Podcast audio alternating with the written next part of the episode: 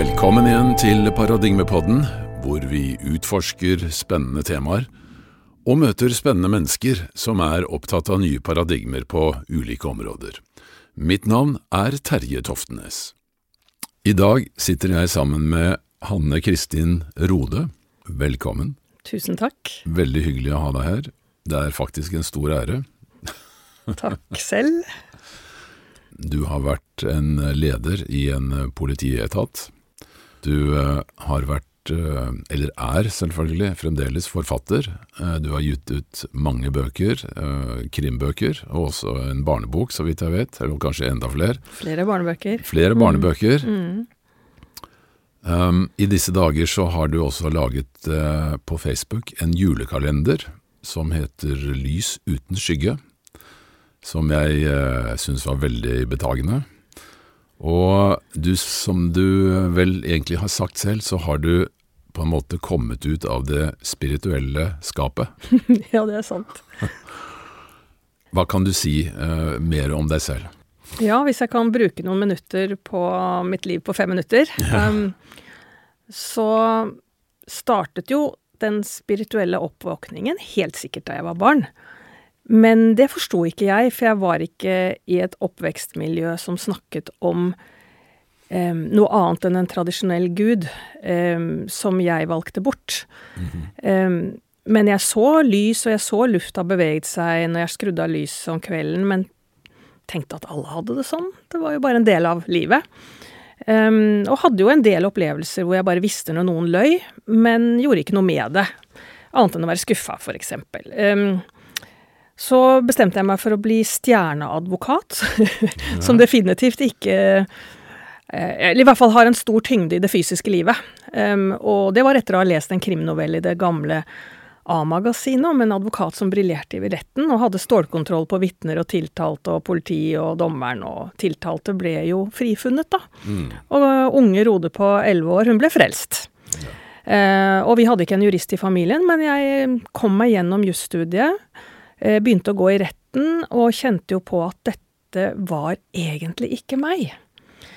Eh, Jeg var redd for dommeren, jeg var redd for å ikke ha forstått jussen, paragrafene, og oppdaget jo ganske fort at for å bli en kvinnelig utgave av Jon Christian Elden, så må man faktisk ha talent. Og det hadde jo ikke jeg. Eh, Jeg møtte jo Jon Christian Elden som ung forsvarer, så vi sto jo på hver vår side allerede på 90-tallet. Ok. Eh, Så ble jeg jo på en måte reddet videre av daværende politimester Willy Haugli, som kom innom og lurte på om jeg hadde lyst til å søke et lederrekrutteringsprogram. Og min indre tankestemme skrek jo at det skal jo ikke jeg, for du skal bli stjerneadvokat. Men så gikk jeg hjem til mannen min, og så sa jeg, dette er jo da på, i 1993, og så sa jeg at eh, du, nå skal høre Haugli var innom meg. Og, og, han sto der med full uniform og var kjempeblid og lurte på om jeg ville bli leder. Men jeg skal jo ikke bli leder, jeg. Ja, hvorfor går du og grubler på det da, sier mannen min. Og så sier han jeg vet ikke. Men jeg har en sånn følelse av at jeg aldri kommer til å bli en god jurist. Og så ler han litt, da. Og han var jo allerede begynt som advokat, og så sier han nei, det tror jo faktisk ikke jeg heller. Eh, vi er fortsatt gift, da. Um, og så ble, kom jeg med på det programmet, og så finner jeg jo meg selv, på sett og vis, eh, ved at jeg da går vekk fra juss og paragrafer, kan fortsette å bruke juridisk metode i problemløsning, men jeg blir da leder om å Går inn i en sånn learning by doing i 20 år. Um, og kjente at jeg trivdes. Jeg kjente at det å være med mennesker, det var en helt annen greie for meg. Eh, Etterforskning og politiet skal jo per definisjon basere seg på fakta. Så det er jo eh, absolutt ingen vilje til å benytte f.eks. synske. Eh, Selv om vi vet jo at f.eks. Joralf Gjerstad, Anne-Elisabeth Westerlund med flere har jo hjulpet politiet i konkrete saker, enten det er forsvinningssaker eller kriminalsaker. Men eh, det var heller ikke det som førte til den store oppvåkningen, for det som skjer er jo at jeg blir utbrent ganske kraftig i 2012 og er sykemeldt i ett år. Oi. Eh, og begynte å få disse brevene fra Nav om at hvis sånn og sånn ikke skjer nå, så ja. Og det tenkte jeg at det, det er ikke gammel nok til. Jeg må greie å komme meg opp av dette. Um, og det var da jeg fikk kanskje det som jeg opplever som min første klare spirituelle GPS. Fordi jeg sitter og føler meg sånn brukbart frisk nok til å gå inn på jobb-PC-en. Eh, Jeg led av svimmelhet, da, uten å gå i detaljer på det, og skulle lese meg litt opp på mailer, hadde vært borte i ti måneder og bla, bla. Og så blir jeg dårlig. Så er det bare å gå til sengs med en enorm eh, sånt svimmelhetsanfall. Og dagen etter tenkte jeg jeg skal ikke se mer på den jobb-PC-en, i hvert fall. Og jeg hadde jo sagt fra på jobben jeg kommer tilbake, og vi hadde en dato klar. Og så tenkte jeg jeg får bare gå inn på noe annet, da. Og så endte jeg opp på nettsidene til en som heter Jan Spurkeland, som jeg hadde brukt som foredragsholder, og som har noen helt fenomenale bøker om tilpasset ledelse og relasjonsledelse. Litt sånn mine bibler i en mental berøring lederskap. Um, og så kjente jeg meg så innmari glad, og så stemte ikke det med det jeg følte og det jeg tenkte. Så jeg gikk ut på terrassen, um, og der satt katta og jaktet på en linerle, og jeg tenkte det her ser ikke bra ut, her får vi åsted i hagen, tenkte jeg. Vi har en svær maine coon som var veldig kjapp den gangen. Men den linerla greide seg. Og så fløy den opp på taket, og så sto jeg og så på den linerla fra en sånn, mot en sånn krystallblå himmel, og så tenkte jeg det er det det handler om. Og så bare visste jeg en sånn indre sannhet at fram til da så hadde min kjerneverdi vært trygghet. Jeg måtte ha en sikker inntekt, en sikker jobb, betale lån når det forfalt, være hjemme når ungene var små og syke og alt det der. Og så sto jeg og kjente på det er jo ikke trygghet jeg trenger nå, jeg trenger frihet. Jeg trenger frihet til å være meg, jeg trenger frihet til å snakke i media om det jeg mener vi skal våge å snakke om, og ikke det en politimester mente jeg ikke skulle si. Og da snudde jeg og gikk rett inn, og så søkte jeg om ett års permisjon for å skrive bøker og holde foredrag, riktignok om lederskap, men takket være en linerle. Og der begynte en vei. Um, og så var det jo flere ting som skjedde underveis, men stadig vekk så oppdaget jeg at nå erfarer jeg noe som er større enn meg selv. Nå tar jeg valg ut fra det som er fravær av tanke, og ikke noe jeg har planlagt, noe som er trygt, noe som er fornuftig, noe jeg bare vet at jeg skal gjøre. Derimot så tar jeg valg ut fra noe jeg vet, men fra et helt nytt sted. Um, og jeg hadde vel absolutt ikke noe mot til å si dette i offentligheten, for jeg hadde jo erfart å være hos uh, Joralf Gjerstad med min yngste sønn, eller vår yngste sønn, for å gi mannen litt ansvar òg. og det var en enorm kraft. Ja, dere var hos, eh, altså fysisk hos uh, Snåsamannen? Ja, men ikke på Snåsa, han var i Oslo. Ok. Og um, vi fikk lov til å komme på Hotell Bristol da han var der. Og han kjente jo ikke oss. Um, og vi kommer inn i rommet, og jeg skal ikke utlevere epikrisen til min sønn, men det å sitte i det rommet og kjenne den kraften hans um, Og ungene hadde vært syk i tre-fire måneder, og han er på skolen allerede mandag, og alle symptomer er borte. Og han har aldri mer fått igjen de symptomene. I all verden. Og jeg satt i en krok, for jeg fikk beskjed av Han jo en, var jo ikke en mann av smalltalk, Joralf. Nei. Men han sa får sett deg der i hjørnet, du, mor'. Ikke sant? Så jeg var jo bare plassert i et hjørne og satt bare og så på den kraften, den lysende, vakre behandlingen som handlet om å fortelle at vår sønn hadde hatt øreverk den natten, som ikke hørte med til det store sykdomsbildet. Og hvem andre kunne vite det? Vi hadde jo ikke sagt det til noen, men for første gang så hadde ungen stått på huet i senga, vi hadde vært våkne omtrent hele natten. Og han legger bare de svære nevene sine rundt det barnehodet i fem sekunder og slipper taket og sier 'nå får hun nok ikke øreverk på en stund', nei. Og han har jo, i dag er han snart 25 og har ennå ikke hatt øreverk igjen. Men jeg satt jo der i bakhånd og tenkte 'jeg må få kjent på de hendene', hva er det for noe med de hendene? Og så da han var ferdig, sa han 'ja, nå får mor komme hit', da. Og så la han en stor neve på kinnet mitt, og den var jo iskald, sånn som eldre mennesker ofte har dårlig blodomløp. Og jeg tenkte ja vel. Og så la han den ned på kneet mitt, og jeg hadde hatt noe litt trøbbel med det kneet, og det var kokvarmt. Yes, yes. Og så humret han sånn lunt, og sa han det er sånn det funker, skjønner du. og senere opplevde jeg jo selv å sitte med både svimmelhet og Dette var jo med sønnen var før jeg var utbrent. Men da, bare noen måneder før jeg skulle tilbake til jobb, og sitter på sommerferie og er veldig uopplagt med svimmelhet og kjenner at dette her er krevende. Og så ringer Ingar Kolloen, som jo forfattet Det hjalp til å skrive den Mm. Snåsamann-boka. Biografien, da. Ja, biografien. Um, og så sier han du, jeg har nettopp snakket med Joralf, han ber deg ringe. Og jeg sa hva er det du snakker om? For da hadde jeg sittet og tenkt den som hadde hatt en Snåsamann for hånd nå. Og jeg hadde faktisk tenkt akkurat de ordene. Og så får jeg telefonnummer, og så ringer jeg opp, og så sier jeg hvem jeg er, og så går han rett i behandling. Og det var, den telefonsamtalen varer var kanskje to minutter maks, og jeg er helt fin. Yes. yes. Og um, de diagnosene jeg også hadde fått på både Karolinska instituttet i Stockholm og på Haukeland sykehus i Bergen med at jeg hadde en varig ødelagt balansenerve, da jeg ble sjekket igjen etterpå, så fant de ingenting. ja, det er jo helt uh... Ikke sant? Sånn at jeg, universet snakket til meg med det jeg kaller krigsoverskrifter for å få meg til å våkne. Det er min mm, måte å si det på. Um, og så begynte jeg jo da, etter at jeg hadde utgitt var det tre voksenbøker krim, og hadde kommet i gang med å være selvstendig næringsdrivende, mange år etter det med sønnen min og meg sjøl, um, så opplever jeg at nå må jeg skrive ungdomsbøker, og så lager jeg da et lite detektivpar som går i åttende klasse. Astrid og etnisk egyptiske Yusuf, som nå bor i Norge, og Astrid ser blå lys. Jeg bruker mine barndomserfaringer. Og da blir de blå lysene litt sånn, når hun, det blunker, så har hun sagt eller tenkt eller gjort noe viktig for den lille etterforskningen. Det er små mysterier de skal løse. Og så spurte VG meg om å få et um, lanseringsintervju, et portrett, i mars 1919. Eller om det var februar 2019, mener jeg. 2019. Og det sa jeg ja til. Det var jo forlaget som hadde fått i stand avtalen. Og der skjer det at jeg mister litt kontroll på min egen iver. Jeg var veldig godt kjent med hvordan media fungerer, og visste utmerket godt at både bordet fanger, og at jeg skal være forsiktig med hva jeg sier. Og allikevel, i tillegg til å si ja, jeg ser også blå lys, så forteller jeg om at vi har hatt husrens.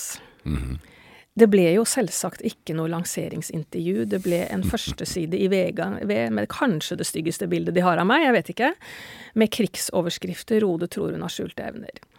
Jeg hadde ikke planlagt å komme ut av det spirituelle skapet på den måten, men jeg fikk god hjelp av universet, eh, og i parentes VG. Um, kabom. Um, og den største opplevelsen Altså, den største støyen var jo alle humanetikere og andre med sin egen definisjonsmakt på sannheten, som ville karakterdrepe denne politiinspektøren, som da ikke lenger var politiinspektør, men som var livsfarlig farlig i det offentlige rom, og egentlig vel karakterisert farlig for de fleste. Um, og det ble egentlig sånn at jeg tenkte jeg kan ikke leve livet mitt på Twitter, så jeg bare kobla meg ut av hele greia. Twitter er jo mye mindre enn universet, så det var jo et lett valg. um, men Så det var på en måte støyen, at mange sikkert var, var fornøyd med at nå fikk vi tatt henne. Men det er jo ingen i hele verden som kan endre en erfaring. Det er ingen som kan endre min erfaring med å se sønnen min bli frisk av Joralf. Eller å se og erfare at jeg selv ble det.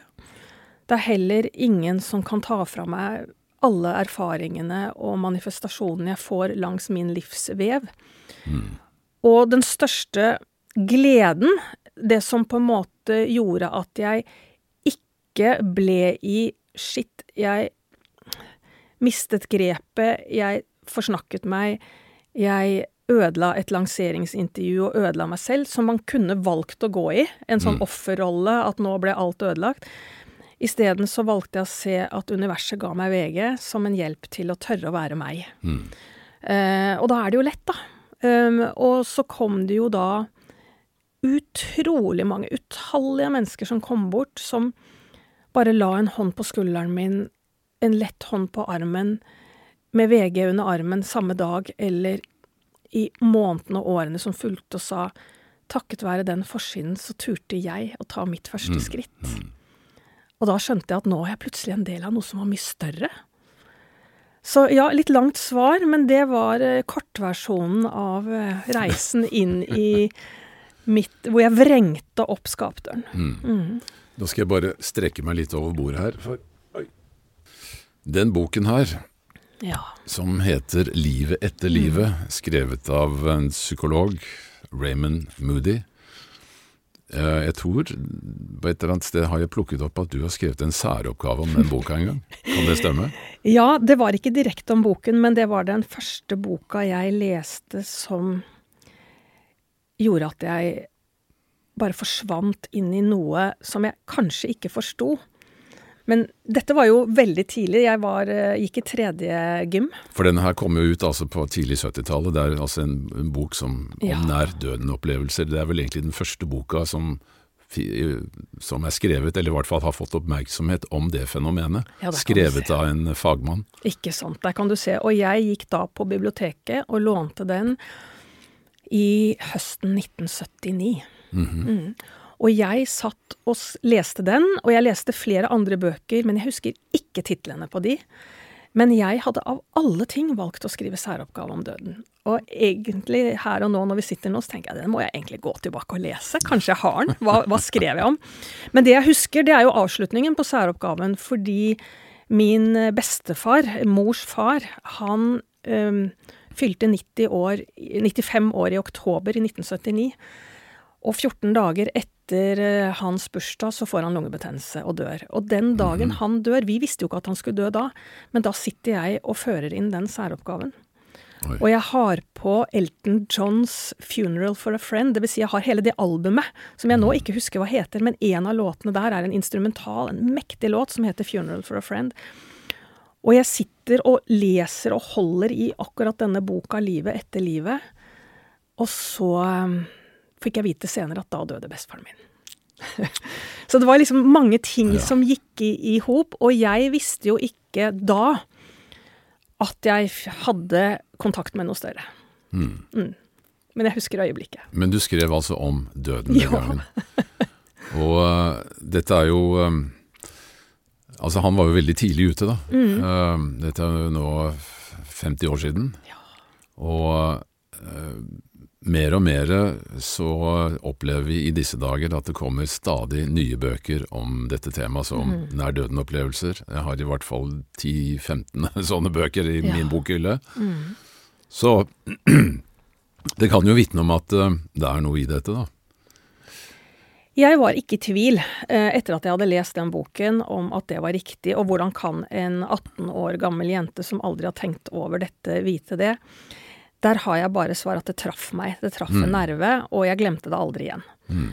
og jeg husker jeg faktisk satt i kantina på politihuset og snakket med en av mine kollegaer. Må jo ha vært tidlig på 90-tallet, da. Eh, tror det var før jeg ble leder, eller rett etterpå. Sånn 94-95, kanskje. Rett etter at jeg ble leder, førstelinjeleder. Og det var en som var både prest og jurist, som hadde vokst opp på en gård i Norge, og som faktisk hadde en opplevelse. Eh, hvor han hadde sammen med søsknene le lekt ut på låven, og han faller og slår seg stygt. og svever mellom liv og død, og kunne fortelle alt som skjedde, fra han mistet bevisstheten på låvegulvet til han kom til seg selv på sykehuset. Ja. Og det å få lov til å sitte og snakke med han, det var jo veldig manifesterende.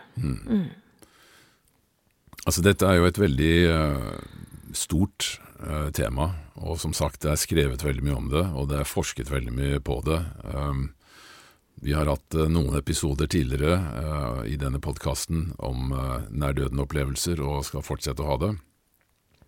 Men eh, dette forteller oss jo, som du også sier, at eh, virkeligheten sannsynligvis er mye større enn det vi aner. Og hvorfor mener du at det er viktig å, å få disse tingene mer frem i lyset? Hva, hva gjør det med oss? Hva slags implikasjoner kan det ha som er av, kan ha en positiv effekt for hele samfunnet? Ja, hvorfor jeg mener det? Um, jeg kan jo på sett og vis ta, bare ta utgangspunkt i meg selv. Um, når tanken blir låst, så blir jeg låst. Da blir musklene stramme, og jeg går i ring. Jeg kjører rundt og rundt i en rundkjøring. Hvis jeg blir det jeg kaller tankefri, og få kontakt med min, kall det sjelsvisdom, at jeg greier å få ned bilder eller ord eller lukter som jeg vet ikke kommer fra min fysiske nærhet der og da, så er det for meg nok til å bli nysgjerrig. Og jeg syns at den tradisjonelle vitenskapen har begynt å ligne mer og mer på en religion. Jeg syns den har begynt å ligne mer og mer på eh, et fastlåst mønster. Um, og var det Albert Einstein som sa at vitenskapen er til for også filosofi, mm. eller noen andre har sagt det. Mm. Um, og det er som om ikke bare vitenskapen, men alle vi menneskene som da blir stramma inn til å bare være fysisk, vi mister jo det filosofiske perspektivet på livet, mm. som faktisk kan sette oss fri. Mm. Vi mister nysgjerrigheten vår. Um, vi bare godtar det andre mennesker sier. Uh, uten å reflektere. Altså, det sitter jo da et hav av superintelligente forskere verden over, levende og døde og fremtidige, som da skal definere min sannhet. Mm. De, finn fem feil bare i den setningen, liksom. Mm. Da, blir jeg, da, blir jeg, litt pinnsvin. For jeg tenkte eh, Hvem skal egentlig definere min, eh, min sannhet? Eh, og da må jeg jo da bruke det samme ordet igjen. Min sannhet er at det er det bare jeg som kan gjøre, sammen med universet. Universet lever ett liv gjennom meg. Så jeg mener at det er Jeg erfarer, jeg mener, jeg tenker og tror, og alt det der, at vi er på en fryktelig farlig vei når vi tror at mennesket er størst, og at tanken er størst, og at hjernen er stjernen. Mm. Og for å bare bruke mitt paradoks Vi trenger ikke gjøre mer enn å se et dyr i øynene for å komme i present moment. Mm. I det øyeblikket vi har en direkte kontakt med et dyr, enten det er en fugl som stopper på veien foran oss, eller det er et husdyr vi har selv, eller om det er noe vi ser på TV, um, så for veldig, veldig mange av oss um, så skjer det noe. Det er akkurat som verden stanser. Og så er det jo da et paradoks, da, at vi betaler skjorta for kurs og oljer og lukter og midler for å bli som dyrene. Mm. Som vi mener, mener, er mindre verdt enn oss. Ikke sant. um, så, så, det er på en måte en del av min sirk, mine sirkler i forhold til å holde en bevegelse opp mot den høyere bevisstheten. Mm. At jeg vil ikke bli låst fast av noen som hevder definisjonsmakt på at det bare er det som er tradisjonelt bevist, som er sannheten. For da er vi ferdige, da. Da vil vi jo aldri mm. finne ut noe mer. Mm. Nei, altså det må jo Jeg har jo ofte tenkt at um, altså et sterkt indisium på at det finnes en større virkelighet, er jo at evolusjonen har gitt oss muligheten til å tenke nettopp den tanken. Mm. Uh, ja. ikke sant? Altså mm. Hvorfor er vi utstyrt med, uh, med tanke, et tankegods som gjør det mulig å, mm. å si, tenke oss ut av kroppen? Uh, og Sånn at det er jo så mye, og spesielt hvis, som, som, du sier, hvis du begynner å se rundt deg i naturen, og ser inn i øynene på andre dyr, mm. så så gjør det noe med deg. Mm. Og selvfølgelig når du ser på altså, gamle visdomstradisjoner og såkalte indigenous people, altså skal vi si naturkulturer uh, osv., så, videre, så er jo dette noe som de alltid har kon hatt kontakt med, mm. men som vi da sannsynligvis har mistet underveis. altså i... Uh, etter den industrielle revolusjonen, hvor mm. verden ble mer og mer materialistisk, mm. så, så, fjernet vi oss mer og mer fra disse indre forståelsene, ikke sant. Mm. Og som du sier også, når, når da altså nevrokirurgen eller øh, psykologen sier at hjernen er stjernen, og alt er pakket inn i, i hodet beskyttet av et tykt skall, og all bevissthet øh, bare er der inne som et sluttprodukt av, av evolusjonen, så så har jo de fleste lett for å godta det, fordi at vi, vi stoler på vitenskapen. ikke sant? Mm, mm. Men nå er det jo veldig mye vitenskap som sier det motsatte, da. Eh, parapsykologien, ikke sant. Mm. Eh, og du har vel også forsket litt eh, på det? Ja, om ikke jeg har i hvert fall forsket i tradisjonell forstand, så er jeg veldig nysgjerrig. Og bare i forhold til det du nettopp sa også, at hvis det faktisk skulle vært opplest og vedtatt at hjernen er stjernen, så er vi da vel det eneste vesenet på jorda, moder jord, som kommer på slump. Mm. Mens absolutt alt annet levende altså ikke reproduserer i tradisjonell forstand, men blomstene kommer opp gjennom våren. Ja. Eh, altså alle andre greier det uten intelligens. Det vil si, jeg vil egentlig si at de gjør det med intelligens, ja. men at de har en bevissthet. Og hvis vi Da er vi den eneste arten, da, for å få sagt det litt ryddigere, som eh, faktisk konkluderer med at vi er her på slump, mens alt annet liv rundt oss ikke er det. Så det er jo en ganske kraftig degradering som jeg syns er interessant nok i seg selv. Og det er nok for meg til å bli nysgjerrig på det paranormale, som jeg syns er høyst normalt, da, bare for å ha sagt det. Ja, det er jo det de sier, de som eh, forsker på dette. Altså seriøse institusjoner som eh, både altså, det norske eh, parapsykologiske selskapet, men også Parapsychologic Association i England og tilsvarende i USA, altså overalt. Og vi hadde jo nå nettopp en podkast om at i Kina så er parapsykologi altså nærmest å betrakte som et helt vanlig verktøy. Mm for å kunne lære ungene til å bli flinkere på skolen, ved at de mm. bruker sitt tredje øye, da, som de kaller det. ikke sant? Så altså, jeg har i hvert fall en følelse at det er en slags åpning nå. Det har vært tilløp til det mange ganger tidligere i vår uh, kulturhistorie. Vi hadde jo også denne hippiebevegelsen ikke sant, på 60-tallet hvor, uh, altså, hvor man skulle frigjøre tanken da, og, og mennesker. Så jeg syns jo det er en veldig spennende tid, da, for, som, bare for å si det sånn som vi lever i. Men øh, jeg har lyst til å snakke litt om, om denne skal vi si, eh, adventskalenderen du har.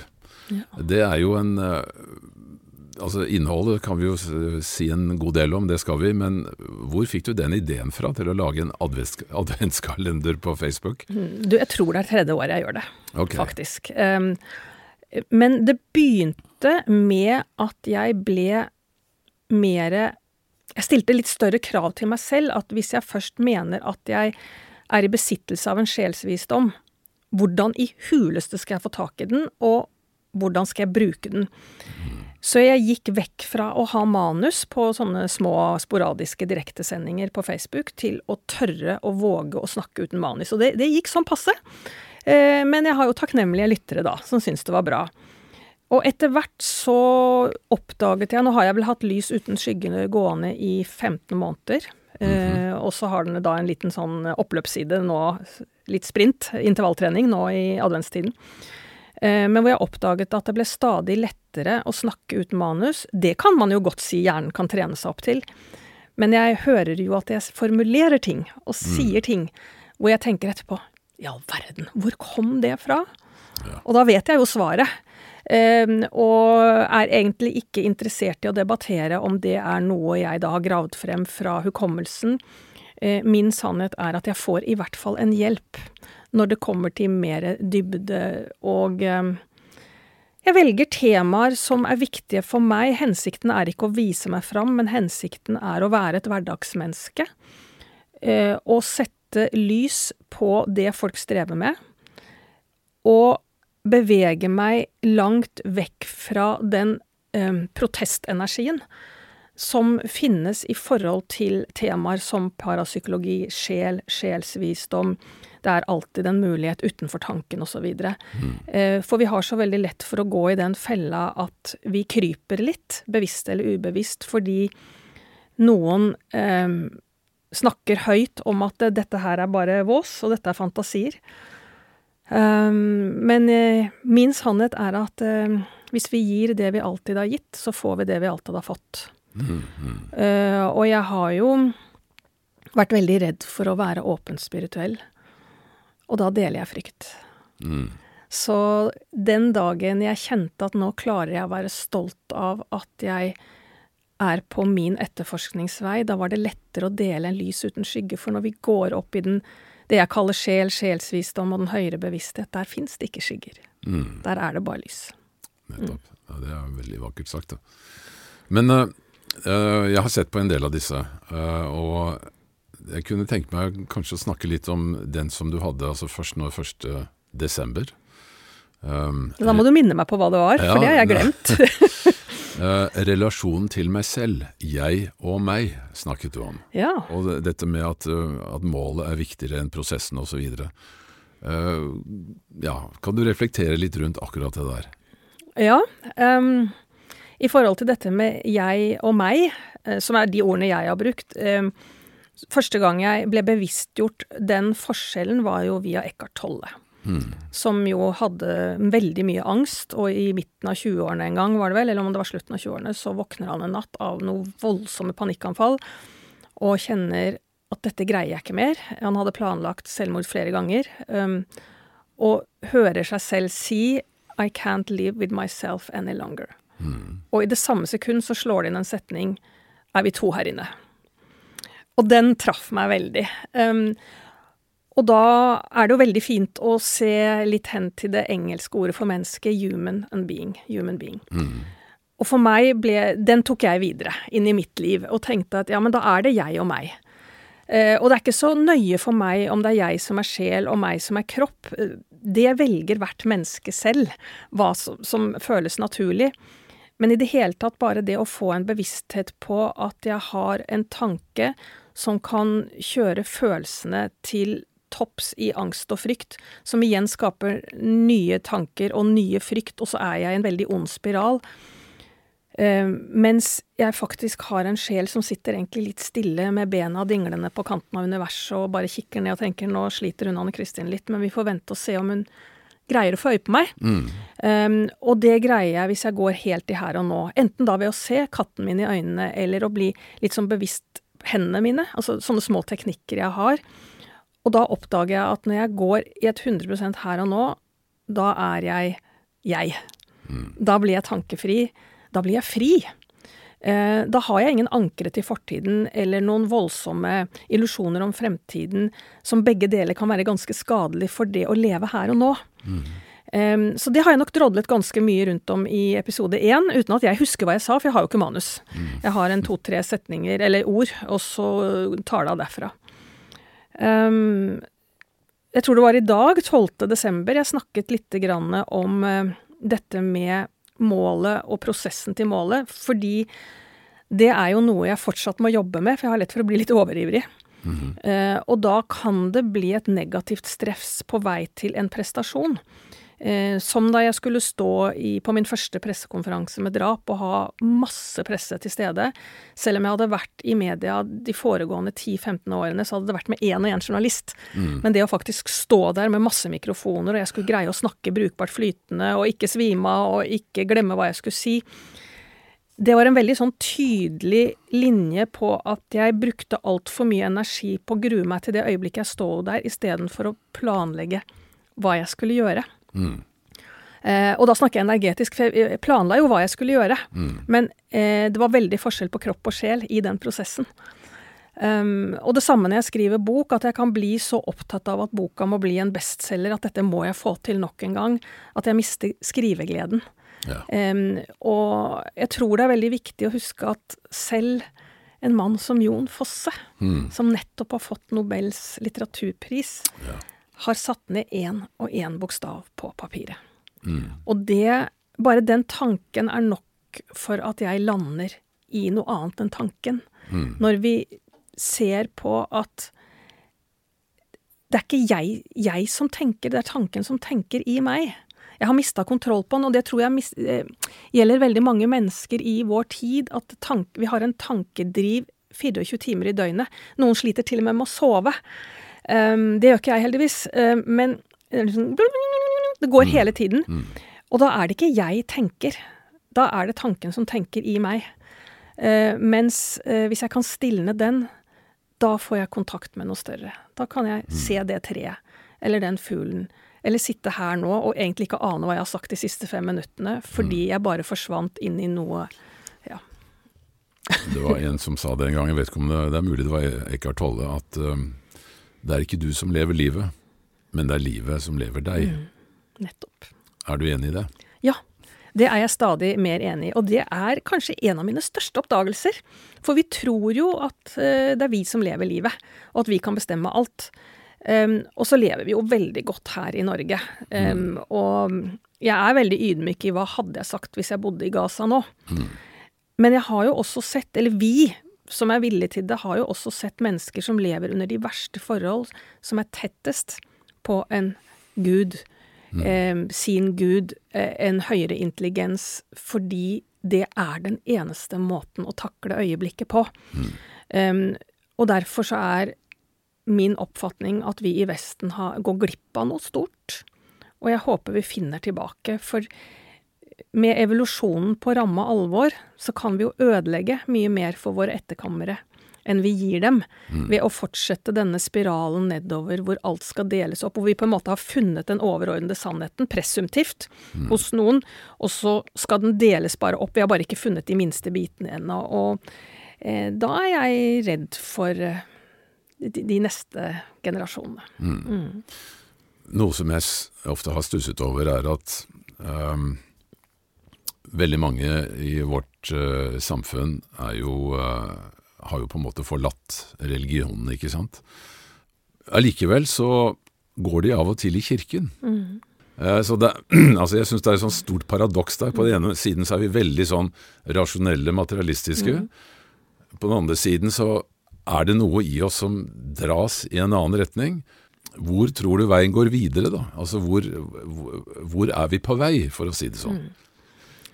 Ja, den som visste det. Um, jeg har i hvert fall reflektert litt rundt at absolutt alle mennesker som er på jorda til enhver tid, vi, vi kommer ned med en rolle.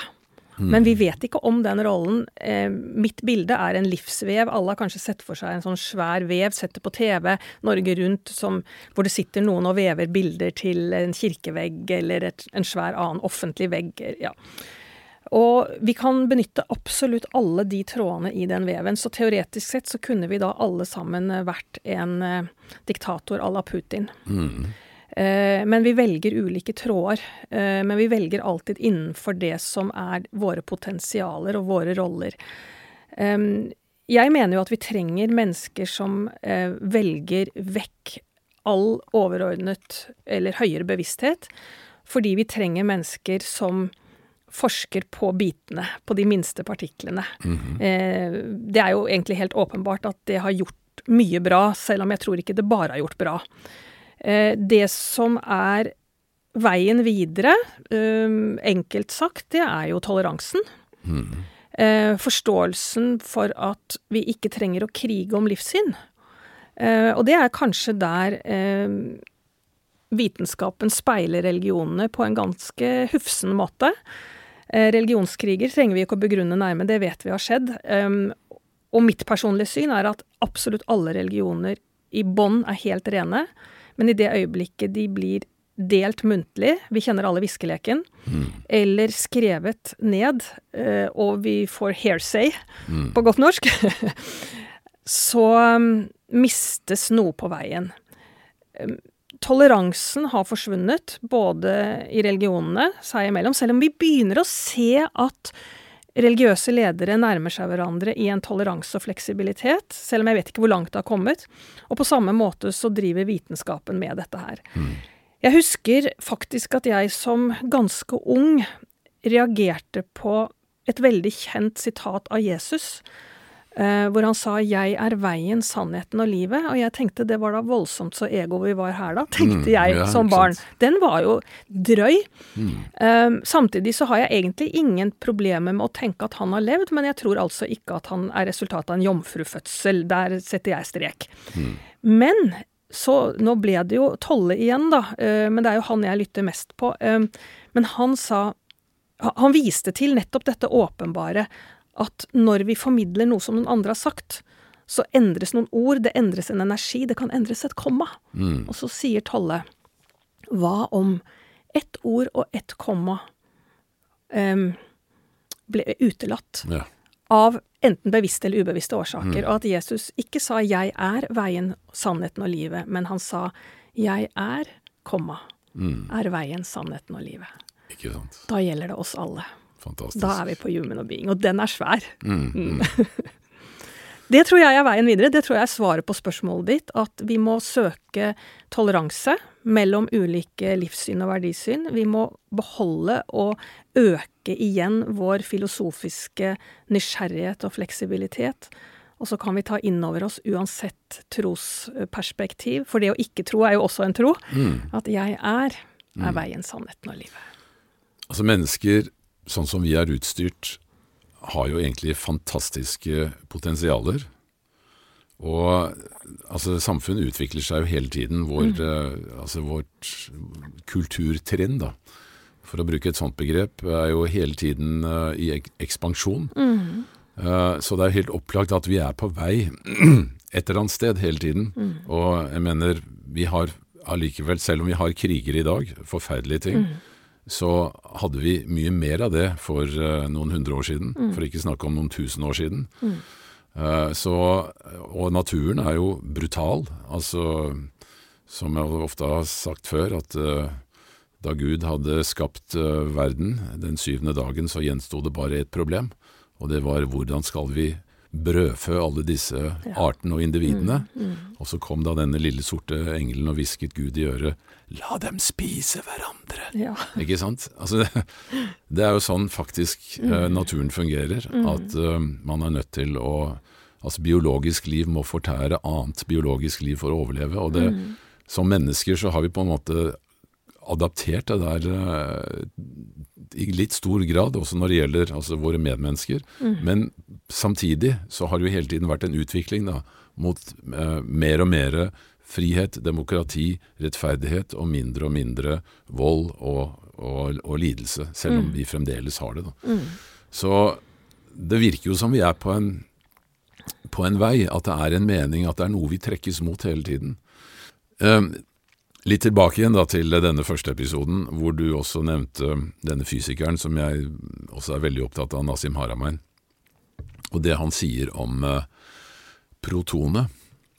Altså inni eh, kjernen på alle atomer, som er de bestanddelene som vi alle består av, så eh, mener han at eh, det er et sort hull, og det sorte hullet det er det som eh, er inngangsportalen til hele universet. Sånn at hele universet på en måte er representert inni hvert eneste atom. Og der hadde du noen veldig fine betraktninger om hvordan den opplevelsen av å være koblet sammen med hele universet gjennom alle atomene i kroppen din eh, virket befriende på deg.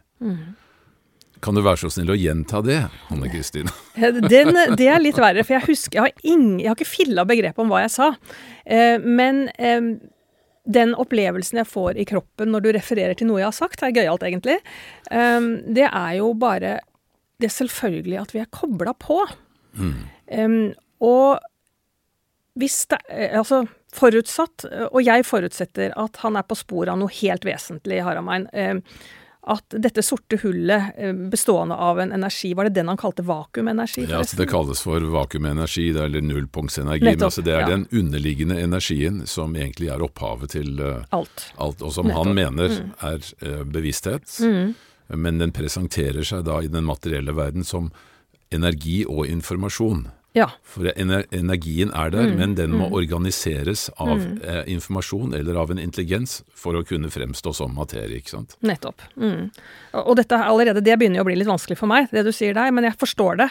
Eh, og jeg eh, føler det. Eh, jeg kjenner at jeg får sånn sannhetsgrøss eh, når du snakker om det, fordi det virker så himla naturlig. Em, og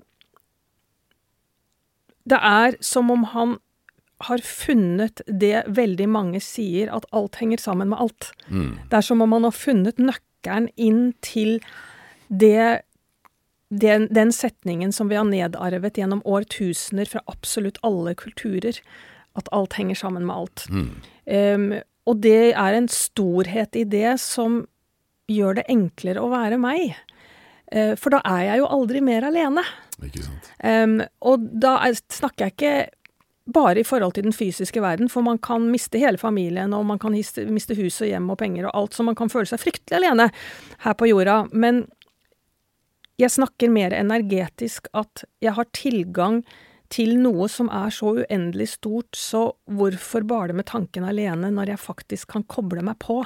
Det er som å få eh, en milliard startkabler eh, av Haramein eh, i den beskrivelsen, og ikke bruke det hvis man fornekter det. Ikke sant? Ja. Ikke sant? Det var sikkert ikke det jeg sa i adventskalenderen, men det var det som kom nå. Ja, det er det som er så fantastisk med måten vi eh, både tenker og opplever på, at eh, det fornyer seg selv hele tiden. Det oppdaterer seg selv hele tiden. Du, ehm, helt til slutt. ehm, håp. Vi går inn i en juletid, vi går inn mot et uh, nytt år. Hva er dine håp? Mine håp um, for meg selv er at jeg skal bli mer tilgjengelig, at jeg skal åpne enda mer for intuisjonen, som jo egentlig er et ganske akseptert ord. Mm. Um, at jeg skal forstå mer, uh, ha evne til å lære mer, være mindre redd. Og hvorfor begynner jeg med meg selv når verden lider? Jo, fordi med den teorien til Haramein så vet jeg at det jeg sender ut av energi, det vil nå ut. Mm. Og da, da, når det til deg, som vil gjøre en reaksjon i deg som gjør at du sender ut noe bra, og da henger alt sammen med alt. Så håpet, hvis vi virkelig kunne beholde og eh, forvalte dette håpet, um, og ikke bare la det være et ord, mm men faktisk gjøre det om til noe konkret. Det er jo et ikke-konkret ord. Mm, jeg. Eh, men det er jo litt gøy, for energien um, i oss er jo heller ikke konkret, selv om noen fysikere kanskje finner den. Um, så det å faktisk gjøre det til konkrete følelser, tanker, visdom da tror jeg vi får fart på evolusjonen, ja. rett og slett. Ja. Eh, og da handler det vel også mitt håp, tror jeg, om å våge. Mm. At stadig flere våger å komme ut av det spirituelle skapet. For det er veldig mange flere som lever med en større sannhet enn de som våger å si det. For de blir sabla ned. Det må jo være ganske trangt inni det skapet etter hvert? Vet du, Det er så crowdy, altså. Lady Di snakket om at det var for mange i ekteskapet, men mm. vi er langt forbi den grensen. ja. Du Hva handler din neste bok om? ja, det er et godt spørsmål. Det begynte som en krim, men det kan hende det blir en roman. Og jeg har for første gang med mye mer spiritualitet som kommer fra meg, enn uh, i noen andre bøker. Så det er et stort skritt for meg å våge å sette det på papir. Og så vil jo tiden vise det om uh, noen vil gi det ut, eller om jeg må gi det ut selv. Mm. Og når er utgivelsesdatoen? Det vet jeg ikke, fordi denne, dette kan ta tid. Eh, for jeg må være veldig fornøyd. Det skal ja. ikke være en doserende roman, det skal være komme naturlig. Er du veldig selvkritisk når du skriver? Nei, ikke når jeg skriver, og det er jo fordi jeg er så heldig å ha redaktører. Og de er mm. kritiske nok. Mm. Eh, men det er klart, jeg er jo kritisk i forhold til at jeg ønsker ikke å levere fra meg noe møl, selv ikke første gangen. Men jeg har nok vært i overkant redd for de som ikke ser verden som meg. Mm. Og det er jo det kvantespranget jeg faktisk har gjort nå. da jeg lyttet på en episode her i Paradigmepodden og, og, får inn med teskjeer at det er over 100 år siden kvantefysikken kom med dette Er det aspektet uttales, dette forsøket mellom to celler? Å oh ja, du tenker på dette med Jeg kan ikke fransk, nemlig. så det, er litt sånn Det som kalles non-local entanglement. Ja, det er mye bedre å si altså, det. Altså ikke-lokal ikke sammenkobling på ja, norsk. Det, det, var en uh, franskmann som het Aspek. Ja. ja Alain As, uh, Aspek. Mm. Eller Aspé uttales det vel egentlig på fransk. Ja, ikke sant. Uh, han oppdaget dette første gangen i et laboratorium i tror det var 1986. Nettopp. Uh, og det tok da 40 år før han fikk nobelprisen for denne oppdagelsen. Akkurat. Så det tar litt tid før, vi, før skal vi si, akademia anerkjenner nye oppdagelser. Ja. Selv om uh, det var helt ugjendrivelig, de bevisene han fremla den gangen. Ja, og, ikke sant? Eh, og kvantefysikkens oppdagelse er jo eldre enn det, har jeg skjønt. Ja, ja. Altså, det var jo på, på, altså, rett etter altså, inngangen til 19, på 1900-tallet. Ja. 1910, 20, 30. Det var jo da det blomstret opp. Ja, Men det har tatt 100 år liksom før vi virkelig har begynt å akseptere disse Uh, altså denne typen fysikk da, som, uh, som, vår virkelighet. Ja, den nye fysikken, for å si det sånn. Og det var vel i boka til Erik Damman, 'Tid og rom', jeg leste om Aspe Ja. ja. første gang, og dette mm. forsøket. Uh, og jeg husker jeg tenkte da, og nå aner jeg ikke hva du spurte meg om i stad, men jeg husker at jeg tenkte da at når vi har dette non-local Entanglement. Entanglement, takk. Mm. Hvordan er det mulig, hvis vi mennesker er intelligente, at dette ikke har snudd opp ned på vår forståelse. Mm, mm. Det var det første jeg tenkte. Ja, for, altså, bare for å summere om det, altså det, det han klarte å bevise, For de spaltet nemlig et lysfoton. Altså et, et Ja. foton, altså lyset består jo egentlig altså, av eh, elektromagnetiske vibrasjoner, men de klumper seg sammen da i sånne små fotoner, altså en slags lyspartikkel. Og når du spalter det i et prisme, og sender den ene til høyre og den andre til venstre, eh, så, altså, da blir det to tvillingfotoner. Og de, eh, uansett hvor langt fra hverandre du sender de, om det er fra østkysten til vestkysten av USA, eh, så vil de alltid ha en sammenkobling, slik at hvis du utsetter det ene fotonet i et laboratorium da får et spinn, og det andre som du har fraktet til den andre kysten av USA, og observerer det, så vil det i samme øyeblikk utføre det samme spinnet, bare speilvendt vei. Det var sånn de begynte å se dette her. At de, altså de begynte på laboratoriebenken, og så gikk de lenger og lenger Ja. ut, og så så de at disse fotonene de var altså sammenkoblet. Og da begynte de å regne på det, og fant ut at uansett om de var på hver sin side av universet, hvis universet da har en ende, så ville de alltid være sammenkoblet. Og fra det så har man da begynt å se at denne sammenkoblingen den gjelder ikke bare lysfotoner, men det gjelder sannsynligvis alle eh, skal vi si, atomer og eh, skal vi si, subatomære partikler i hele universet er sammenkoblet i et såkalt holografisk system. At alt er vevd inn i hverandre. Men eh, sånn at eh, Nå får jeg, fikk jeg litt blod på tannet, litt, eh, eller hva det nå heter. jeg må bare fullføre den Ja. tankegangen. Fordi Derfor så er det ofte sånn at du kan se på vår fysiske verden nesten som en sånn utbredt bok. Altså Du har sikkert sett sånne bøker som, hvor liksom du har to permer som er ganske tett sammen. Det er ofte sånne barnebøker, men når du bretter de ut, så plutselig så er det da laget en eller annen form for eh, konstruksjon av pappfigurer inni her, som da plutselig blir til en sånn 3D-verden, eller altså noen mennesker eller en bygning eller hva som helst, når du bretter ut boka, ikke sant? Og sånn mener man da at uh, virkeligheten, eller skal vi si universet, egentlig i dag er liksom pak egentlig pakket sammen, men i vår 3D-verden så har de da åpnet de to permene, og så har, det, Ja. så har denne eh, tredimensjonale virkeligheten brettet seg ut, ikke sant? Men fordi den egentlig befinner seg tettpakket mellom to permer, så er ikke avstandene så store fra ene, den ene partikkelen til den andre. Det vil si den er, de er helt, egentlig klistra helt sammen. Og derfor så har vi disse fenomenene at alle partiklene egentlig kan snakke med hverandre og formidle informasjon i altså nulltid. Altså det foregår helt spontant. Det er i hvert fall én måte å forstå det på. Da. Mm, Det er vel rett inn i telepatien. Ja, altså det, det, det forklarer for telepati, det forklarer alle, altså dette med fremsyn og Mm, klarsyn osv. Det forklarer hvordan, hvordan man kan eh, spå om Altså hvordan Marcello Haugen kunne i 1953 spå at eh, på slutten av dette årtusen, som da var altså på slutten av 1900-tallet, så skulle det være et stort idrettsarrangement Ja. på Lillehammer som skulle vare i 17 dager. Det skulle komme folk fra hele verden, og det skulle være veldig kaldt hele dagen. Nei, hele tiden, ikke sant? Det spådde han altså eh, nesten 50 år før det skjedde, før vi hadde Lillehammer-OL. Hvor, altså, hvor kom den informasjonen fra? Hvordan, altså, ja, så dette Wow. Nei, nå fikk jeg litt sånn eh, Ja, nei, men, Ble litt gira opp her, men eh, ja, da er vi to. Det er veldig morsomt å høre på, og det er jo Jeg får også et sånt wow for Hvorfor er det så livsfarlig å tro på det? Jeg blir veldig nysgjerrig på hvorfor skal man bli redd for det man ikke tror på. For det må jo være det, det må jo være en frykt som kommer når man blir sint eh, på mennesker som mener det, når man eh, beskylder dem for å være sjarlataner og eh, ja, falske og drive med fantasi. Og det er helt opplagt mennesker som eh, har dratt det for langt i forhold til egne evner. Det er det jo lett å være enig i, som ødelegger for andre.